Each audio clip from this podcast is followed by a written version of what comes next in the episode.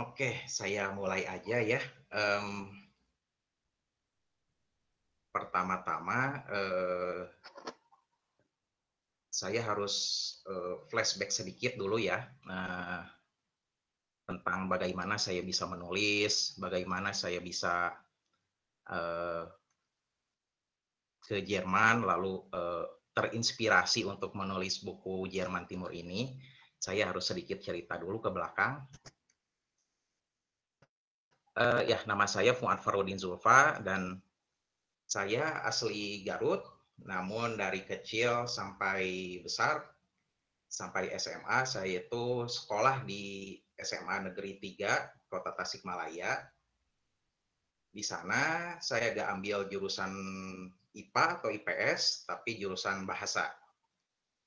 Dan kebetulan sekolah tersebut juga bekerja sama dengan pemerintah Jerman, jadi, eee, bahasa Jermannya itu ya lumayan cukup intensif lah. Dan lalu, eee, saya lumayan bisa bahasa Jerman dan punya sertifikatnya juga. Lanjut saya kuliah di Bandung, jurusan Hubungan Internasional di Universitas Pasundan. Lulus tepat waktu, eee, 4 tahun dan, eee, lewat ya proses yang cukup panjang.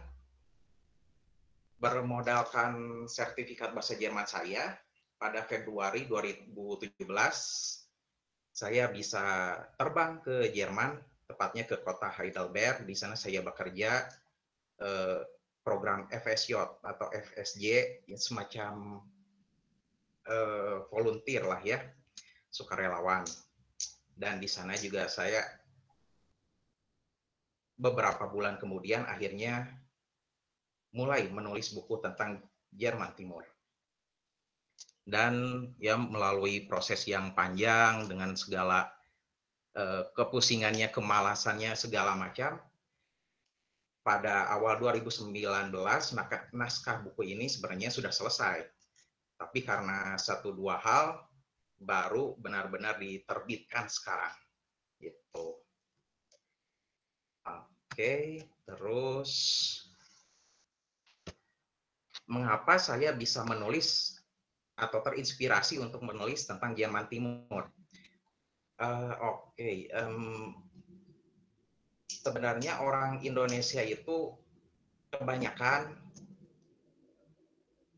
mengenal Jerman itu, sejarah Jerman itu hanya di periode, eee, Adolf Hitler saja, yang Perang Dunia Kedua, tentang Nazi lah, yang itu. Jadi, eee, sangat tidak cukup untuk mengetahui Jerman secara keseluruhan, gitu. Kita hanya berkutat di Perang Dunia saja Perang Dunia saja, padahal Jerman di, mmm, apa, era Perang Dingin kita nggak begitu banyak tahu. Maka dari itu, eee, saya ketika di Jerman secara tidak langsung, sengaja tidak sengaja, banyak, eee, apa namanya eee, mendapatkan informasi tentang negara ini. Ya sekalipun Jerman Timur ini eksis hanya dari tahun 1949 sampai 1990, kurang lebih 41 tahun. Tetapi ya, di Jerman ya pasti banyak sumber-sumbernya, terus buku-bukunya. Saya juga baca koran, terus banyaklah. Dan ini, di gambar ini adalah, eee, buku-buku yang saya peroleh, baik saya beli di toko buku, baik di Amazon atau, eee, dapat mulung ya, eee, mungut di lemari-lemari buku, eee, di Jerman kan di banyak sudut kota, banyak lemari buku umum, masyarakat bebas untuk menyimpan atau membawa buku tersebut. Dan kebetulan beberapa buku saya yang terkait Jerman Timur itu saya dapatkan secara cuma-cuma di lemari-lemari buku yang seperti ini, gitu. Jadi eh, lumayan lah. Eh, sebenarnya apa yang memicu saya untuk menjadi penulis? Ya, yang pertama tadi saya sebutkan yaitu pengetahuan orang Indonesia tentang Jerman Timur sangat sedikit. Ya, karena memang negara ini notabene eh, negara komunis ya, dan negara ini sudah tidak ada lagi. Yang ada sekarang itu Jerman yang bersatu. Jerman Barat dan Jerman Timur itu dikotominya udah udah gak ada, udah bersatu. Itu, tapi bagaimanapun juga kan kita harus tahu, meskipun negara ini negara komunis dan sudah tidak ada lagi, tapi ya kita harus tahu karena gimana sih ceritanya eh, tembok Berlin itu gimana eh, proses reunifikasi Jerman, terus eh, persaingan antara Jerman Timur dan Jerman Barat itu seperti apa sih dulu? Eh, misalkan kalau Amerika itu punya lembaga intelijennya CIA, kalau Uni Soviet KGB, kalau Jerman Timur Stasi. Itu sangat-sangat terkenal. Cuma ya di kita ya ya gitu. Kurang begitu ngeh sama sejarah Jerman Timur.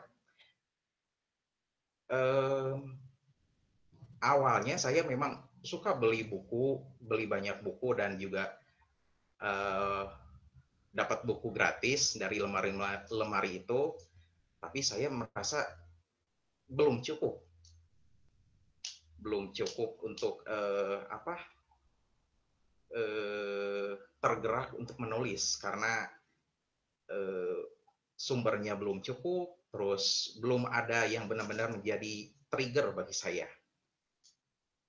Lalu datanglah suatu saat ketika saya di Berlin dengan pengetahuan yang cukup bertambah tentang Jerman Timur, saya sengaja ke situs-situs sejarah, ke Tembok Berlin, ke checkpoint Charlie dan saya di sana mendapat eh, bukan mendapat membeli ya. Membeli dua souvenir ini yang satu itu medali medali penghargaan dan yang satu lagi koin koin Jerman Timur. Dua-duanya itu saya beli di toko pinggiran lah ya di emperan toko souvenir eh, emperan souvenir seharga 20 euro. 20 euro ya per satu euronya itu 17.000 ya dikalikan aja lah. Itu saya senang banget itu pas dapat wah akhirnya bisa beli nih ini eh, medali penghargaan. Dapat eh, koinnya juga seneng dan saya makin wah kayaknya harus benar nih eh, nulis nih harus jadi tapi yang benar-benar membuat saya akhirnya tergerak untuk menulis adalah karena buku ini yang satu ini. Is Germany a Country Study? Bukunya ya berbahasa Inggris dan sangat-sangat lengkap. Eh, saking lengkapnya, bahkan mungkin bisa dikatakan bahwa 20% dari eh, buku saya ini terinspirasi atau sumbernya diambil dari buku ini. Dan buku ini saya dapatkan di lemari buku yang di pinggiran kota itu. Jadi saya dapatkan buku ini gratis, cuma-cuma, tanpa keluar uang spesial pun, dan harganya mungkin gak, gak ternilai ya bagi saya. Itu. Um, dua hal ini, souvenir dan buku ini menjadi inspirasi saya untuk, wah, saya harus jadi nih nulis. Ininya eh, bukunya, materinya udah ada, materi dasarnya udah lengkap, udah ada. Akhirnya saya nulis. Itu. Nah, ini eh, gambar ini ya meja kerja saya. saya biasa menulis di sana dan penulisan proses penulisan buku saya itu ya mungkin bisa dikatakan eh, agak ribet ya, nggak efisien. karena saya tulis secara manual karena gak punya laptop selama di sana, jadi saya harus nulis. Jadi uh, urutannya itu saya memperoleh dan membaca buku-buku yang akan dijadikan sumber referensi. Ya, saya membeli, saya uh, korek-korek di tiap lemari di uh, sudut kota Heidelberg. Siapa tahu ada buku Jerman Timur, kalau enggak ya buku sejarah yang lain. Saya kumpulkan itu, saya uh, jadikan semua itu sebagai sumber referensi itu yang pertama. Lalu yang kedua, saya menyesuaikan antara eh, apa tulisan-tulisan atau buku-buku yang saya kumpulkan tersebut dengan daftar isi buku yang akan saya tulis. Jadi saya eh, rangkai dulu daftar isinya mau apa aja. Kalau kasus saya itu ya pastinya sejarah awal berdirinya Jerman Timur, eh, sedikit lah perang dunia kedua juga dibahas terus berdirinya Jerman Timur prosesnya tahun 50-an, 60-an, 70-an seperti apa eh, tokoh-tokoh pentingnya apa siapa. Terus hmm, peristiwa-peristiwa penting seperti uh, ya misalkan kita juga Eh, nggak ngeh ya kalau dulu itu Jerman Timur rajanya Olimpiade, Olimpiade musim dingin mereka sering juara, juara umum. Di Olimpiade musim panas pun Jerman Timur di dekade 70-80-an itu pasti posisinya tiga besar. Jerman Timur itu negara kecil. Penduduknya 16 sampai 18 juta tapi bisa bersaing sama Amerika Serikat dan Uni Soviet dulu. Itu fakta menarik dari Jerman Timur. Meskipun ya ada isu doping ya, tapi bagaimanapun juga layaknya negara-negara sosialis komunis lain yang eh, berinvestasi dan benar-benar serius di bidang olahraga, Jerman Timur adalah salah satu eh, contoh suksesnya. Terus banyak lah ya eh, krisis politik, terus ekonomi. Saya juga bahas di sini sedikit sampai akhirnya krisis eh, politik di akhir tahun 80-an yang melanda semua negara sosialis komunis di Eropa Timur termasuk juga Jerman Timur sampai akhirnya ya Jerman Barat dan Jerman Timur bersatu pada 3 Oktober 1990 dan um, tiap tahun Jerman selalu uh, merayakan hal tersebut, merayakan hari tersebut.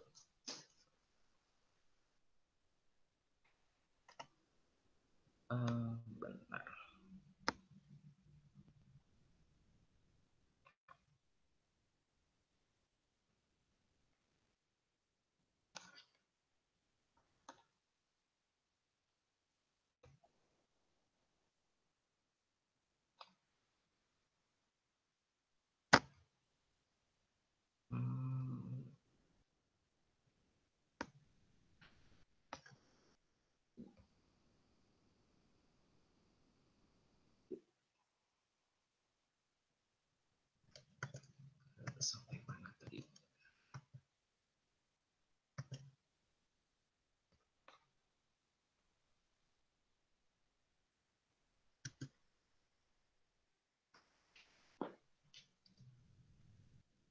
Uh, masih kedengaran suara saya?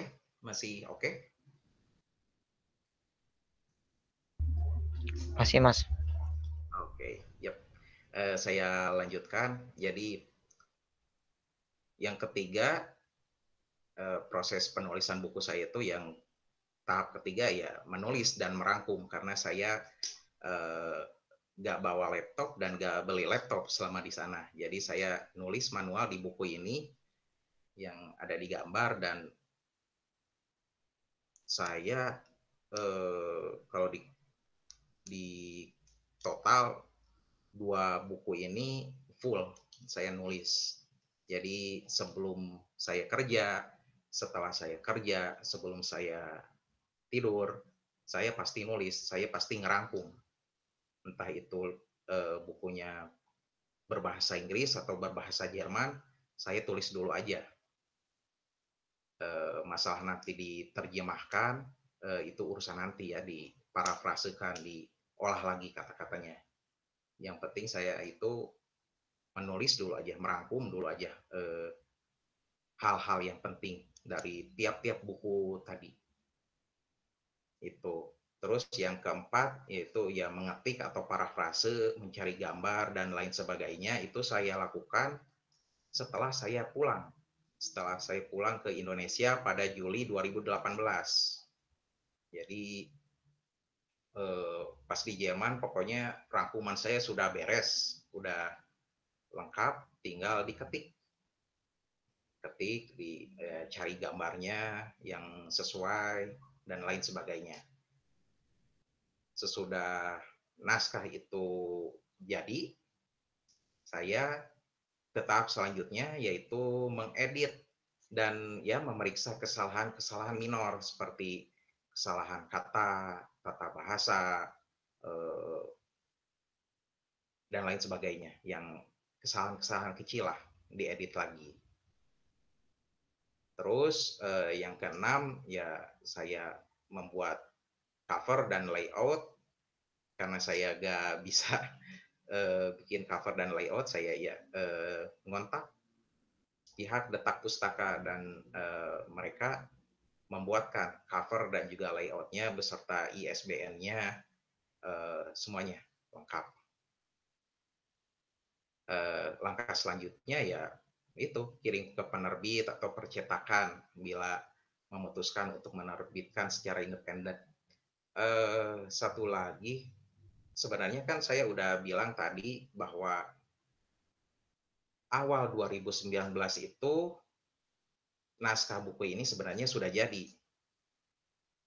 Eh, meskipun belum di cover, belum dikasih cover, belum dikasih layout, pokoknya polos aja dan saya kirimkan ke penerbit yang cukup besar lah, yang memang mengkhususkan diri di bidang sejarah.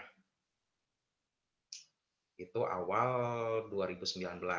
Saya nunggu beberapa bulan, mungkin sekitar empat atau lima bulan lah saya nunggu. Akhirnya datang jawaban dan ya pada ditolak. Alasannya mereka bilang bahwa uh, buku saya ini yang tentang Jerman Timur ini segmentasinya uh, ya segmentasi pasarnya sedikit, peminatnya nggak begitu banyak, itu sih. Uh, terlalu kecil uh, ceruk pasarnya itu, jadi uh, mereka menolak naskah saya. Itu sekitar pertengahan ya, pertengahan 2019 eh, ya tentu saya sedih tapi ya sudah saya um, untungnya saya ada kesibukan lain ya saat itu yaitu uh, mengelola dan membesarkan uh, channel YouTube saya. Sama uh, tentang sejarah juga. Nama channelnya uh, pojok sejarah. Nanti bisa dicari di YouTube. Pojok sejarah dan udah seratusan episode sekarang uh, semua sumber materi dari channel itu ya berasal dari buku-buku yang saya kumpulkan yang saya beli saya uh, mulung saya kumpulkan dan ya satu koper itu isinya buku semua. Nggak beli souvenir pun beli sedikit. Ah pokoknya mah eh, apa? Satu koper satu koper itu isinya buku semua buku sejarah kebanyakan. Dan saya mengambil eh, materi YouTube saya itu ya dari buku-buku itu. Dan saya fokus membesarkan channel saya sampai ya mungkin ini waktu yang tepat untuk uh, untuk saya untuk um, apa namanya uh, melihat lagi, menengok lagi naskah saya tentang Jerman Timur. Mungkin sudah saatnya bagi saya untuk uh, menerbitkan buku ini. Karena dilihat ya subscriber saya udah lumayan lah ya ada beberapa ribu. Dan ya mungkin ya inilah saat yang tepat. Lagian juga di masa pandemi seperti saat ini eh, di mana orang-orang ada banyak waktu luang ya kenapa kita gak isi untuk membaca aja terutama membaca sejarah gitu um, terus iya tips menulis nah, bentar.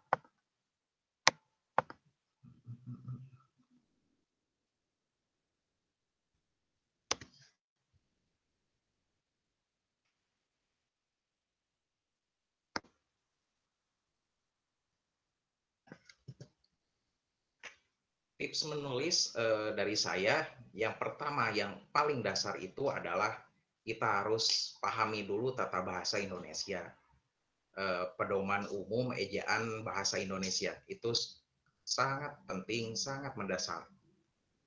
Kita harus tahu di mana letak titik koma uh, tanda baca dan lain sebagainya lah. Dan kali tata bahasa gramatik yang kayak gitu. Ya jadi yang pertama kita harus kuasai dulu yang namanya tata bahasa. Karena bagaimana kita bisa menulis kalau kita gak bisa ngerti di mana eh, letak tanda baca, terus gramatiknya salah, imbuhannya kurang tepat. Itu. Jadi yang pertama ya tata bahasanya dulu, ejaannya, dalam bahasa Indonesia harus kita kuasai. Itu. Terus yang kedua, cari sumber referensi sebanyak-banyaknya. Ini ya eh, khusus untuk buku-buku non fiksi ya, karena saya taunya itu ya buku non fiksi. Kalau buku eh, fiksi sama aja sih, kita harus banyak-banyak membaca juga, cari sumber referensi. Karena bagi saya lebih baik kita kebanyakan data, lebih baik kita kebanyakan ide daripada kita kekurangan data, kekurangan ide.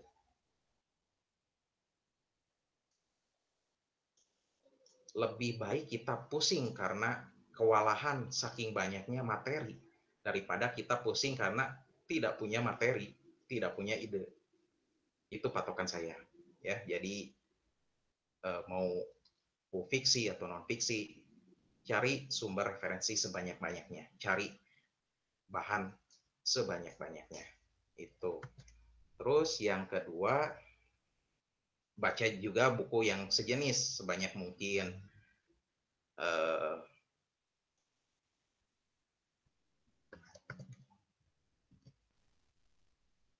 oh sebenarnya ini uh, agak ini ya agak apa-apa. Uh, baca buku yang sejenis kalau buku novel ya baca buku novel sebanyak mungkin. Pelajari gaya tulisan si penulis isi bukunya gaya bahasanya. Uh, semuanya lah kalau buku fiksi itu. Kalau buku non fiksi ya uh, runtutan isinya kayak apa. Pokoknya baca aja buku sejenis saya juga kan e, karena membahas Jerman Timur, membahas sebuah negara dan ketika saya menemukan buku tadi yang e, A Country Studies ini nyambung banget. Wah, berarti e, saya bisa ambil nih banyak contoh-contohnya, runtutan-runtutannya itu. Jadi baca buku yang sejenis sebanyak mungkin. Terus ini ya sedikit ada kesalahan. Sebenarnya yang ini nomor empat juga sekaligus adalah eh, wajar bila kita ada masa-masa di mana ide tidak muncul sama sekali alias mandek atau kita eh, nggak punya kalau bahasa Jerman itu keine Lust ya atau nggak punya keinginan males lah intinya. Lagi males nggak ada ide. Itu wajar. Saya juga eh, proses buku ini kan hampir setahun setengah. Setengah eh, hampir dua tahun malah. Dua tahun dan banyak masa di mana saya itu ya kehabisan ide, eh, males lah, capek lah. Banyak, banyak hambatannya, banyak tantangannya. Yang saya lakukan ya biasanya ya istirahat. Kalau saya pas lagi di sana ya liburan, jalan-jalan ke pusat kota pun bagi saya udah cukup. Eh, lakukan hal-hal yang rileks dan menyenangkan jangan dipaksa karena kalau dipaksa ya kita jadi pusing sendiri, jadi stres sendiri. Biarkan mengalir aja. Karena ya ada masanya kita nggak produktif, memang ada masanya dan itu wajar. Itu. Terus yang selanjutnya ya nikmati prosesnya karena eh, yang namanya menulis ya bukan skill atau kemampuan yang bisa kita dapat secara instan ya. Kita harus banyak berlatih, namanya menulis ya kita harus latihan banyak menulis lah. Tentu saja otomatis itu. Banyak baca, banyak nulis. Ya. Terus kalau memang ingin belajar untuk menulis ya sebenarnya di situs-situs ini di uh, di apa banyak sih seperti kureta.com, mojok.com, berita baru, Fox Populi, kita bisa sembari berlatih menulis, mau itu esai, opini atau apa pun, kita bisa aja latihan menulis di sana. Yang paling gampang itu di Kureta. Kureta itu saya juga sesekali nulis di sana, namun karena bulan ini agak kurang produktif jadi belum belum nulis lagi um, pokoknya kita harus lebih lebih sering latihan menulis saja ya kalau belum bisa nulis yang panjang-panjang ya esai 600 kata 400 kata itu buat latihan bisa lah cukup lah gitu ya. Jadi pertama pahami tata bahasa, cari sumber referensi sebanyak-banyaknya, terus baca buku yang sejenis sebanyak mungkin, amati, eh, tiru, amati, modifikasi atau apa itu eh, ada istilahnya. Kita harus amati, kita tiru dan modifikasi. Terus eh, kalau kita lagi di masa-masa yang nggak produktif, ya wajar, istirahat sejenak, biarkan ide itu datang dengan sendirinya. Ya, terus nikmati prosesnya, eh, jangan nyerah karena memang menulis itu bukan sesuatu yang gampang, bukan sesuatu yang instan. Dan kalau ingin misalkan berlatih menulis ya terdapat eh, situs-situs yang memang mengkhususkan diri untuk uh, hal tersebut ya kureta.com, mojok.co, Fox Populi. Memang itu Mojok dan Fox Populi agak uh, udah tinggi levelnya ya, tapi bisa bisa dicoba kok. Coba aja. Itu um, tips dari saya ya itu uh, nggak ada strategi khusus sih kalau uh, menulis buku ya. Bagi saya ya mengalir aja setelah data terkumpul dan menentukan rentetan runtutan isi buku itu ya udah tulis aja. Mengalir aja ya. Itu sih um, ya ini adalah buku saya yang harus kamu ketahui tentang Jerman Timur atau dalam bahasa Jermannya itu Deutsche Demokratische Republik, Republik Demokratik Jerman. Ya, di sini eh, membahas banyak hal, mulai dari sejarah, tokoh-tokohnya, peristiwa penting, eh, info-info menarik, hingga eh, proses runtuhnya negara ini. Itu semuanya lengkap, dan mungkin bisa saya eh, mengklaim juga bahwa ini adalah buku pertama yang berbahasa Indonesia yang cukup lengkap membahas negara Jerman Timur ini. Mungkin saya bisa klaim karena sepanjang saya hidup, saya pergi ke toko buku ke yang besar ya Gramedia atau ke mana, belum pernah saya lihat buku yang secara khusus membahas tentang Jerman Timur baru kali ini dan ya alhamdulillah saya bisa uh, membuatnya, bisa menulisnya lewat perjuangan yang ya cukup panjang. itu. Terima kasih. Uh, mungkin segitu dari saya. Uh, bagi yang mau bertanya hal-hal uh, yang tentang buku atau hal yang terkait menulis atau hal yang lainnya bisa ditanyakan. Ini uh, kontak saya. Instagram saya juga Fuad Zulfa, channel YouTube-nya Pojok Sejarah. Uh, nomor teleponnya ada 087821 008 003. Uh, mungkin dari saya dicukupkan sekian. Kalau ada pertanyaan boleh. Ya. Terima kasih ke moderator lagi. Oke, terima kasih Mas Fuad. Untuk bukunya bisa dibeli di mana Mas Fuad? Kalau boleh tahu? Uh, untuk saat ini sih masih uh, lewat saya, uh, lewat WA pre-order. Oke, teman-teman yang berminat memang... untuk membeli bukunya Mas Fuad tentang Jerman Timur bisa langsung PC Mas Fuad ya. Bukunya luar biasa keren saya sudah mereview sedikit karena ikut membantu mendesain. Makasih. Vielen Dank. Untuk teman-teman yang ingin bertanya, silakan bertanya. Saya kasih slot tiga pertanyaan ya. Silakan bertanya. Pertanyaan apa pun ke Mas Fuad. Boleh bertanya ketika kuliah di Jerman, pengalamannya di Jerman gimana? Kan lumayan.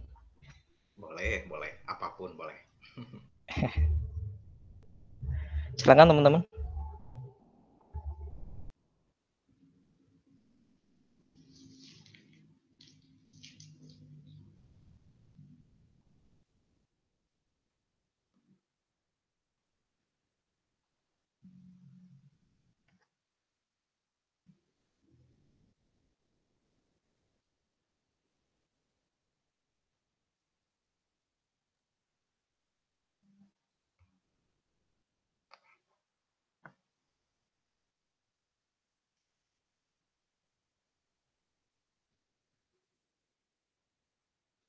Oh iya, saya um, apa? Uh, tegaskan lagi ya, kalau saya itu selama di Jerman kerja, ya, uh, bukan kuliah, tapi kerja program FSJ atau FSJ. Nanti bisa dicari di internet FSJ itu seperti apa. Uh, ya semacam volunteer lah ya Ya, silakan kalau ada yang mau bertanya, apa pun boleh. Ayo teman-teman yang pengen bertanya.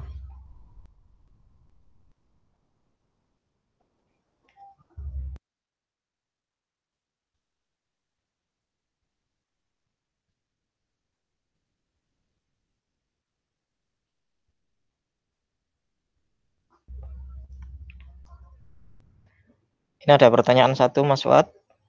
Hmm, ya. Tentang apakah saat menulis buku harus riset terlebih dahulu atau langsung menulis saja? Nah, kita jawab satu-satu Mas Fuad ya. Um,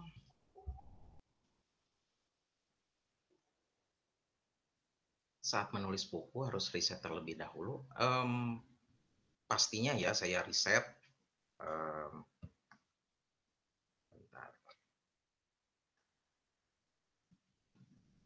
Karena buku saya itu yang jadi sumber referensi itu ya berbahasa Jerman dan berbahasa Inggris, tentunya saya harus uh, menerjemahkannya dulu, harus memprosesnya, memilah, memilih uh, mana yang penting, mana yang kayaknya enggak deh ini mah gak, uh, gak usah di apa, gak usah dimasukin ke buku nantinya.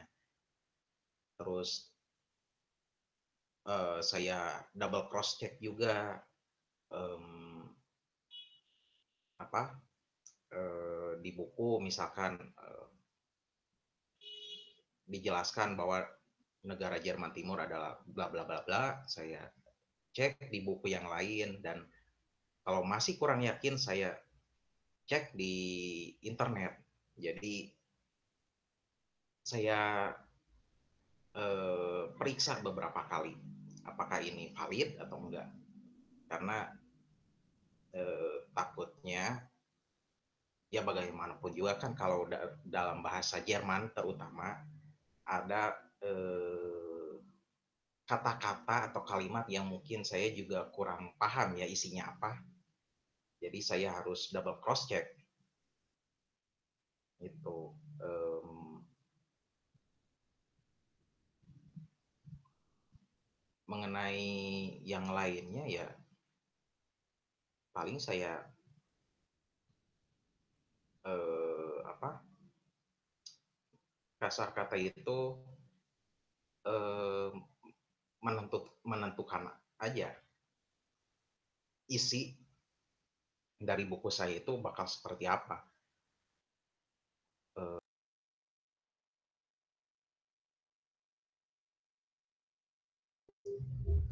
Duh, mohon maaf teman-teman, kayaknya jaringannya kurang stabil nih Mas Fuad.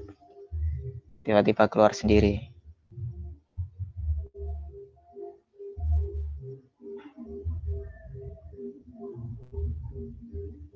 Untuk pertanyaan bisa saya keep dulu ya, nanti biar dijawab Mas Fuad lewat chat, nanti saya forward ke ke grup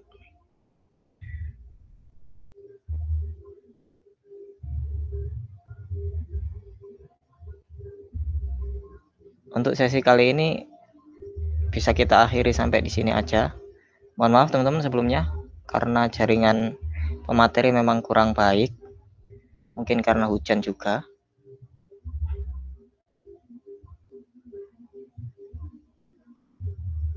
Untuk teman-teman yang belum bisa hadir di pertemuan kali ini bisa dengerin podcast Tetap Pustaka ya untuk episode kali ini ataupun untuk pertemuan ketujuh kali ini Nanti akan saya bagi menjadi dua episode, yaitu yang pertama tentang uh, inti pembahasan dan juga tentang pertanyaan-pertanyaan.